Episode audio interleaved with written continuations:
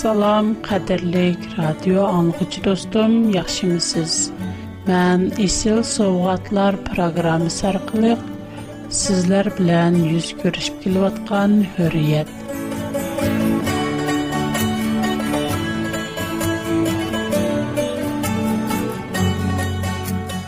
Tenimizlerge salametlik dileymen. Dostum, navada siz programımızı anlıqan bulsanız. Ростңгыз урык тоткан ва тылышларыгызны программабызны бергә алышқа тәклик кылышыгызны үмет килемен. Бүгенге сөһбәтимбез өлүм ва дозаг.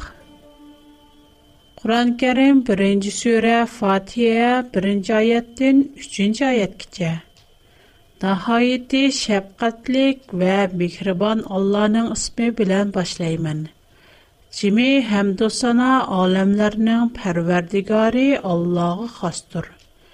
Allah nəhayəti şəfqətlik və mehribandır. Mana bu Qur'an Kərimnin 10-cu betidəki Allah'ın sifətləri. Biz hər bir qatım Qur'an Kərimni varaqlığımızda aldı bilən Allah'ın Найти шапкатлик ва мехрибан характерни күреп итәләйбез. Шундак Алла найти мехрибан ва шапкатлик. Шуа Худа гунахкар инсанлар өчен чоң курбанлык берген. Һәм гунахидән азат булган пакланганларга дәннәттән мәңгелек мәкан тиярлап куйган. Төвәндә мен кадерлек Müqəddəs kitab İncil'nin loqu bayan qılğan xoşxəbər qismi 16-cı babdin bir təmsil oxub birey. Bay bilən tiləmçi Həzrət İsa mındaq dedi. Burunlarda daim həşəmətli kiyimlərini giyib, əyşi işrətlik turmuş keçirədigan bir bay ötkən ikən. Yana bütün əzayini cərahət besib getkən, Лазар исемлек бер тиләмчиме бар икән. Кишләр уни байның дастыгыныдан ашкан нәрсәләрне тирип яп, җан баксын дип, һәмешә уни байның шик алдыга әкилеп куйды икән. У ярд яткынында хәтта иштләр килеп, уның ярыларын ялайды икән. Кин бу тиләмчи өлеп китепту.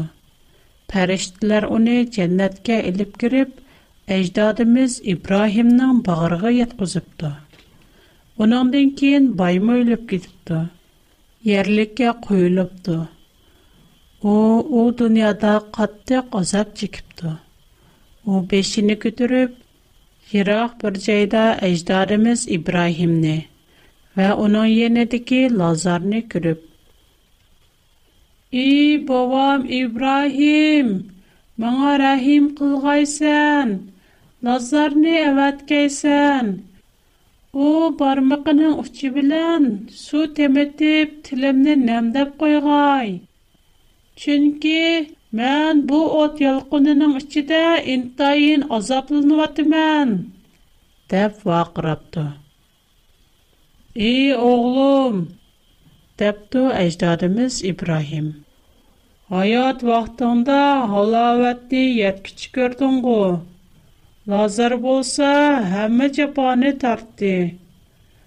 U amdi bu yerda rohat ko'rayotdi. Sen bo'lsang azoblanyapsan.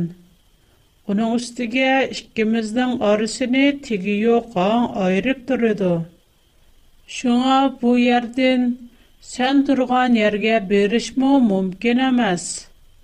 u yerdan bu yerga kelishmi mumkin emas boy mundoq debdi i bova undoq bo'lsa lazarni үйге uyiga avatishingizni o'tinaman u yerda mening besh qarindishim bor ularning bu azob uqubatlik yerga kelmaslik uchun ularni ogohlantirib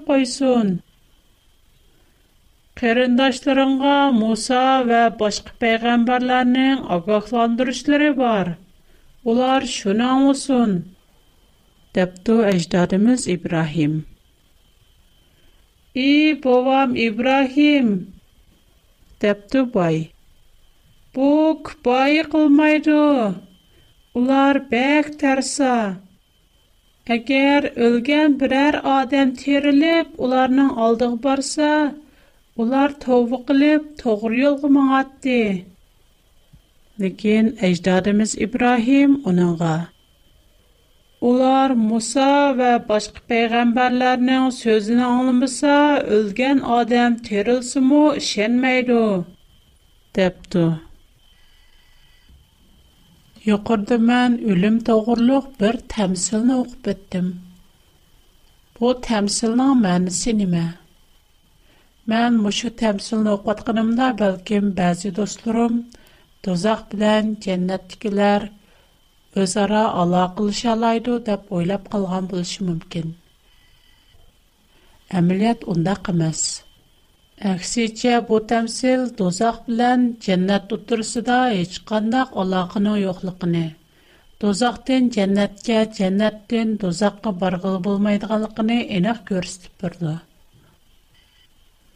Bu təmsildəki dozaq bilən cənnət oturisdiki an, xuddi asman bilən zimin oturisdiki boşluq oxşaş, naiti çəksiz.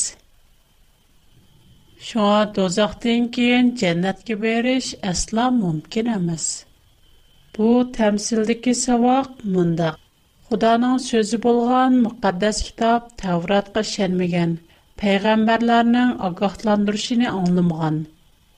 yoki xudoning so'ziga ishendik payg'ambarlarning ogohlantirishini angladik yana muqaddas kitob tavratga ishendiq deb turib xudoning so'zi bo'yicha muqaddas kitob bo'yicha ish ko'rmaganlar do'zaxga bordi ularga mayli qanchalik cho'ng mo'jiza ko'rsatilsin yoki kitobning ishonchlik to'g'ri ekanligi qanchalik inkor qilg'usiz darajada isbotlansin Əgər onlar inkar qilishni xalasa, şənməyveridu. Hər xil bahanalarni tepib toqub çıxıdı. Xuddi Qur'on-Kərim 35-ci surə Fatir 25-ci ayət. Onlar seni inkar qılsa, onlardan burun ötkən ümmətlərmü inkar qılğan. Peyğəmbərləri onlarga roşən möcüzələrini, səhiflərini, «Таврат инжилдек нурлог китабларни элип келді» дейрілгінедек. Бу тэмсил пақат яхудылар ғыла. Оларның имансызлығы ва тоқп чықан ба ханылар ғыла амэз, пэлки біздің мошу давріміз гима. Мошу даврдеки мақаддас китаб Таврат, Забор ва инжилни инкар қылғочларғы ма Көпчілікіміз ямалар дозақта мәңгі көйдірілді. Улар дозақта мәңгі қалуды деп ойлаймыз. Яны бізді хет айем вә адет күрлерді қәуіристарлық шығып, үліклер үшін дуа қылған адет му бар. Біз үліклер аңлай алайды, оларның рухи күрді вә бізні юлайды деп ойлаймыз. Дүниядеке нұрғылыған кішілер – cümleden Hristiyanlar, Müslümanlar, Budperestler ve şirandak başka dini ekimdikilerin hamisi de gidek Adem ölgenlikin ruh mevcut buldurdu. Ruh mengü ölmeydu dep oylaydı. Hatta budkıcı kunduğallar özlerinin ölüp getgen uruhtuqalları ecdatlarının ruhi bir mezgül ötgenlikin Мүші дүнияға қайтып келіп, іштігала қой мүшік сөртіге кірді деп қарайды. Ондақта суал. Өліклер зады қандақ. Олар өлгенне кейін аңлы аламды. Әркет қылаламды. Өлгенне кейін зады немі 46-й сөре Әққап 30-й айет. Ей haqiqatan biz Musadan keyin nazil bo'lgan onundan ilgirki kitaplarga uyğun keladigan haq dinğa va toğru yolğa başlaydigan kitabni tinşidiq. Məşu ayət bo'yicha qur'on karim uyğunlaşıdigan, o'zi guvohlik beradigan muqaddas kitob tavrat zabur va İncildən ölüm zadi qandaq, dozaq yoxulamdı Бу ахтики бірнаджи айатни тапсили көріп чықайли. Забор 146-чи күй 4-чи мисра. Олар үліш билалла тупрақа айлынып кидуду. Оларның мәсле ахтлари шу күнила барбад болуду. Бу айатнаң мәннисі неме? Бу айатнаң мәннисі Таврат айландан 3-чи бап 19-чи айат. Топуден ярыттылдың. Шоңа яна топуға қайтысан дейілгенедек, адам өлгенден кен топуға сыңып кетеді. Шындақла адамның барлық шәркеті әм ой пікірі йоқ шықыды. Таврат Сулайманның пәнді нәсиятлері 9 бап 5-6-10 айет. Терік ет үлік шерден яқшы. Аят кішілер өзлерінің өліміне бұлды. بلیپ کت کلر هیچ نمی‌نی بلمید. اولار инам این آم бүтілләй اولار پتیلای اون طلب нәпрәт вә نم محبت نبرد و حسات لرمو از دره بلن بلن اولاد.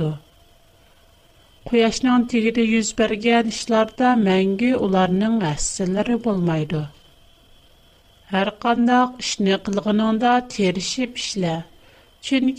لر maslahat yo'q bilim yo'q aql farosat yo'q san mana shu joyga borsan bu oyatning ma'nosi noiti aniq odam o'lgandan keyin fikr qilish o'ylash ishlash va tafakkur qilishdan iborat barliq sharkat to'xtaydi misol bir odam uxlayotganda agar u tush bo'lsa qattiq uxlagan vaqtida atrofida nemishlarning ishlarning yuz berganligi ham yuz birdig'anligini bilolmaydi ham tafakkur qilolmaydi balkim u tush ko'rgan bo'lishi mumkin biroq bu tushlarmi uni xohishi fikri bo'yicha bo'lgan emas odam o'zining qandoq tush ko'rishini kontrol qilolmagandek uxlagandimi o'zining fikrini kontrol qilolmaydi yəni uxlaş cərəyanında oylayalmaydı. Адам өлгəndən kən xuddi uxlavatqandək, ularda heç qandaq təfəkkür, sizim, oylaş bolmaydı. Ular yana anlayalmaydı, kirəlmaydı. Hər qandaq iş qıla almaydı. Axırkı zamanda barlıq adamlar terildirilgəndən kən ularga özünün qəbrində turğan vaxtı найти қысқа білінді. Құран кәрім 23-ші сүрі Мойымының 111 аяттен 114 аят кіче. Алла, сімінді қанчы ел тұрдыңлар, дейді. Олар, бір күн, яке бір күнді мұ аз тұрдық, исаплығы жеден сорығын, дейді. Әгер сілер білсаңлар, пәкәт азғыны әйдо. Буаят хаберет киләрнең هیچ кендәк ой-fikir кылалмайдыганыны испатлыйды. Шундыйлар каврида шатлык, кайгы, азаб катарлы هیچ кендәк хиссиятның юклыгын испатлыйды. Адам ухлап калганда худди өлеккә охшаш. 6-нчы сүре, 60-нчы аят. Алла силәрне кичсе ухлытыды. Күндіздіки қылған ішліранларни билип дұруду. Андин бәлгіләнген муддаткича яшшынлар күн күндізді сіләрні ойғытуду. Андин Алланың даргахиғы қайтсилар. Андин қылған әмәлдаранларни Алла сіләрке айтип бұруду. 39-жі сөйре Сумер 42-жі айет. Инсалар өлідаған чағларыда Алла уларның чалларына алду. Ölmegenlerinin canlarını uxlığan çağlarda aldı. Mani bu ayetlerinin əmisidin ölümünün yokuluş, tügeş digen mənisi naiti enik çıxıp durdu. Ondaqda ruh digenime, ruh zadi mevcut mu əməz? Bunun için müqaddes kitap, Tevrat, Zəbur və İncil'din cevap izləb Tevrat Süleyman'ın Pendi Nesiyeti 3. bab 21. ayet. Adamның ruhi yuqurğa көтөрүлдүганлыгын, hayvanның ruhi bolsa yerге кирип кетидиганлыгын kim muayyenləşdirə alaydı? Bu ayətin mənası ruh əməliyyatda nəfəsdən ibarət. Çünki nəfəs həyatın mənbəsi, yəni insanların tinidəki candan ibarət. İnsanlar ölgəndən kən insanların cənə bolğan nəfəs Xudaya qaytıdı. Çünki Xuda insanların həyat yaşışı üçün nəfəsini bərgən. Hayvanların nəfsi yeni cənə bolsa torpağa sığıb gedirdi. Hayvanlar yenə qaytitdirilməydi. Şuna onların ölümü bilən tən onların cənə həyatı tügəydi. Biznin bu tinimiznin çirib torpağa Денемиз ва нәфсимиз булган рухимизның булса, Худога кайтылырганлыҡ хаҡыҡында Сулейманның фәнди мәсиәҙәтләре 12-нҗи бап, 7-нҗи аятта мондай теилгән. Денемиз ҡайланып, рухимиз жан дарған Худоның илкигә үтөдө. Теурат айып китабы 27-нҗи бап, 3-нҗи аят. Хаятым тенем дә дур. Чөнки Худо ата ҡылған Мушу аятта рух, хаятлык нәфси дип аталган. Адам өлгәндән кин нәфәс туктайды. Димәк, нәфәс булган рух мы тугайды. Яна Тавратның Үзәкиял хатирәсе 18-нче баб 4-нче аят. Караңнар, insanların hayatı mana mensup. Atı bulguçının hayatı mana kandak mensup olsa, Парзант болгучинин хаятымы мага шундай мансуп. Гунах кылгучи у чокум өлүдү. Энжил Тимотеге жазылган 1-чи хат 6-чы баб 15-16-чы аят. Мәдилешке мунасип болгон бирден бир өкүмран. Яни падишаларнын падишаһы, Рәбләрнин Рәббе. Бирден бир мәңге өлмәс адам йыкылыш алмайдыган hech kim ko'rmagan va ko'rolmaydigan xudo vaqti soati kelganda ayso masihni qayta avatidi mushu oyat aytgandek birdan bir hayot bo'lg'ichi mavjud bo'lg'ichi faqat xudodir biz ruh deb ataydigan hayotliq nafsi yoki jon xudoning mushu dunyodagi insonlarga bergan vaqtliq sovg'itidir Bizning mushu dunyodagi o'limimizda hech qandaq azob, qiynalish, xushallik, qayg'u bo'lmaydi. Haqqoniylar jannatga kirib, razillar do'zaxga kirganda, shu chog'da jannatga kirguchilar Xudo tarafidan bo'lgan mangulik nafas, ya'ni mangulik ruhga erishadi. Ularning dini Injil Korintiliklarga yozilgan birinchi xat 53-oyat. Chunki Бу чирейдиган тенимиз чирмайдиган тенге. Бу өлөдиган тенимиз өлмөйдиган тенге айланышы керек деген аяттыкыдак һәргиз чирмейду. Мәңге яшайду. Инжил Якуб язган хат 2-нче бап 26-нче аят. Рухи юктан үлек булганыдак әмәлияти юк иткатмы үлектур. Bu ayetteki ruhi yoktan ülük digen sözlerden ruhunun ameliyatta nefes gelgini kırvalalıyımız.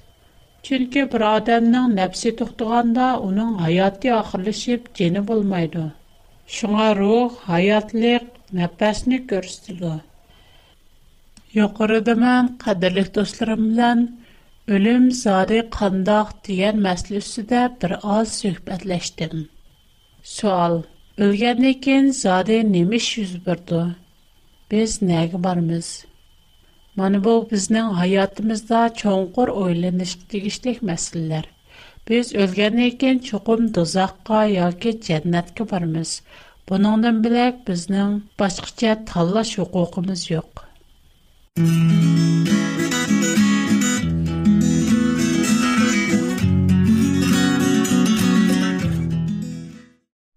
Ондақта дозақ қандақ жай. Дозақ мәңгі мәуцет болып тұранды, яке йоқыламды. Бұның үшін еніла қадірлік достларым білән мұқпаттес кітаптың жауап іздеп көрейлі. Инжил Яхуданың мәхтубі 7-ci аят.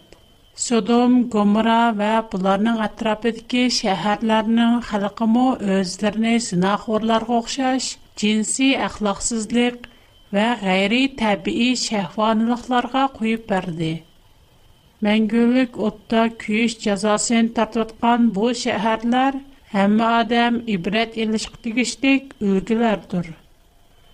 Burun dostlarım bilən Təvrat aləminin yaratılışı 19-cu babdın Sodom və Gomora şəhərlərinin vəyran qılınışını görüb ötkən edim. Hazır qədərlik dostlarım bilən bu məzmunni əsləb ötəyli. Tuyuqsiz Pərverdigar Sodom bilən Gomora şəhərlərə osmandin ot bilən göngürtni yağdırdı. O bu iki şəhərni, bütün tizlənlikni və bütün əhalini yerdəki giyahlar bilən qoşub xarabilikqa aylandırıvətdi. Qarimdəki bu iki şəhər hazırmı məngülük ot köydürülvatamdı? Əlbəttə ondaq emas. Bu məngülük otның mənisi məngülük yoxuluşdur. Həm bu iki şəhər uçurğan cəza dozaqның misali. Dozaq naiti uluq otdi köydürülüb, külgə aylandırıldı. Tevrat Malaki kitabı 4-cü bab 1-ci 3-cü ayət. Bütün qovumlarının sərdarı Rəb şündaq dedi: О күни йтип күлшке аз қалди. О чада бүтін текабор ва ямаллы қылғчылар боғдай саманадай көйдір олуду. О күни олар қоймай көйдір өтілду. Мен табир қолындаған күни сілер ямалларни аяқ асты қыл істар. Олар сілернің аяқ астыңлардыки чан тузанға ұхшаш бұлып қалду. Бу аятки о күни qiyomat kuni do'zax o'tga ko'ydirilib xuddi samondek kuli ko'k surildi do'zax yana mavjud emas albatta shayton va uning agashkuchilari bo'lgan razil kishilar do'zaxga tashlandi tavrat yashaya kitobi qirq yettinchi bob o'n to'rtinchi oyat Mana ular bug'doy to'pini o'xshash bir tutam o't bilanla o'rilib tugaydi. Олар өзіні му баш алмайды. Олар отның қызықығы чидмайду. Бу от әргіз өйни істырдыған аз от әмәс. 14-нч ба 15-нч айад. Лекин пытлишип, көргі керип, чон қор ханларға чүшіп кетшіңни ойлымған ідің. Таврат изя 28-нч ба 18-нч айад.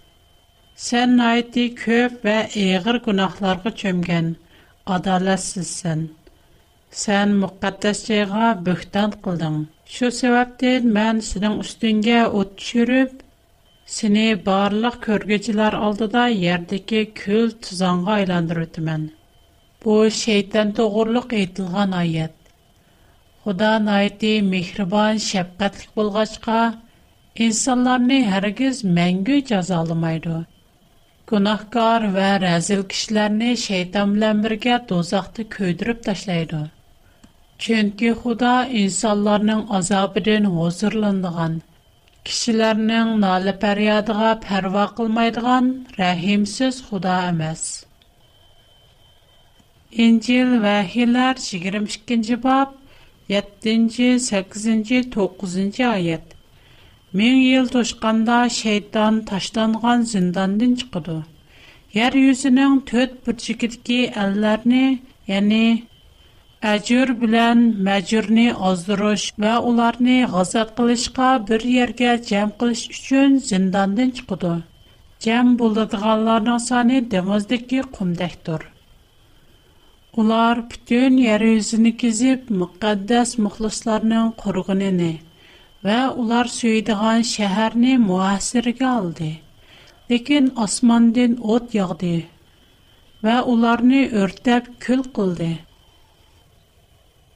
моны бу төзах ва төзах ди ке иң ахыркы җаза ഖуран 1-чы сүре Фатихадә әйтәлгәндәк Аллаһна әйти шәфкатьлек ва михрабондыр бер адамның хаяты Әмма Худа болса чексіз. Оның башланышы ва ахырлышы юк. Біздің hayatımız xuddi şu чексizlik ichidagi bir chekitga o'xshaydi. Agar bir kishi gunoh o'tkazgan bo'lsa, yoki mening mushu dunyodagi umrimda gunoh qilgan bo'lsam, qiyomat kuni Xudo meni do'zaxga tashlab, mangulik o'tda mangu kuydirsa, u yana odil Xudomi? Uning mehribonligi nada? Mən şu çəklik həyatımda düzgən günahım üçün çəksiz vaqt cəzalanışqı tikişdikmi? Bir adamın məşu dünyadakı ömrü bəlkəm 70 yaş yoki 100 yaş ətrafında buluş mümkün. Amma Xuda aləmni bina qılğanda tərtib hazır 6000 il vaqt ötdü. Şuna bir adamın məşu bütün cəryanlı həyatı faqatla bir nöqtə. Мәңгілік кичілгі кичікіні бір қары чекітіне чықыру өтіш үчін мәңгі жазалаш лазым әмәз. Чәклік нәрсі үчін чәклік жаза күпайы. Бұнақкар инсанларының қияметтікі жазасы құданың мехір шәпқітіні аян қылып тұрды. Инсан ойлап етелмегенні худа ойлап етеді. Инсан өч көргенні, яман көргенні худа еніла яқшы көрді. Gerçi insan rezil, günahkar, ölüşkü tegişlik bolsunmu, Xuda yanala onu yaxşı gördü. Xudanın öçkürdüğünü adam emas, belki günah. Şeytan bizga Xuda doğruluq, müşenda qorqunuşluq və yaman düşüncələrini verdi. Əgər biz Xudanı, günahkarlarını məngü cəzalaydı, məngü dozaq otdu köydürdü deyə oylasaq, Худаның мехрибан характере мустабиль ка бурмуланады. Кадерле Худа sizni ve meni яхшы күрде. Безнең бу дөньядагы өлемебез һәркем ясалаш эмес. Без өлгәнден кин найты тине җам хадир җам. Ештимәне сезмәемиз, шкандагы тафаккырыбыз юк. Шундыйлар көччелегебез ишгәндәк, рухибез мәҗүд булып Başqalarga yer yölək bulanmaymız. Өлік, аман өлік. Теріклерінің өліклерден қорқышы ажасыз. İnsanların ikinci qatımlıq ölümü dəl dozaqdır. İnsanlar qiyamətdə terildirilgəndən keyin rəzillər dozaq bilan birlikdə köydürülüb külgə aylandı. Ular yana qayıt yaşaya almaydı. faqatla xudo jannat va xudoning nijotligiga erishganlarla jannatda mangu yashaydi u yer gunohlardan xoli pok joy qadrli do'stim kelar qatim sizning programmamizni yana ziyorat qilib kelishingizni orzu qilaman sizning xatingizni topshirilish mening xushalliqim mening to'r adresim hurriyat at bigfoot.com من حتترسم A W R P O Box 310 Meni қазіше xat adresim Shangang Yujin Zongju Shishang 310 nomer. Xo'sh, Xudoga omonat. Qaytib ko'rishgacha аман болың.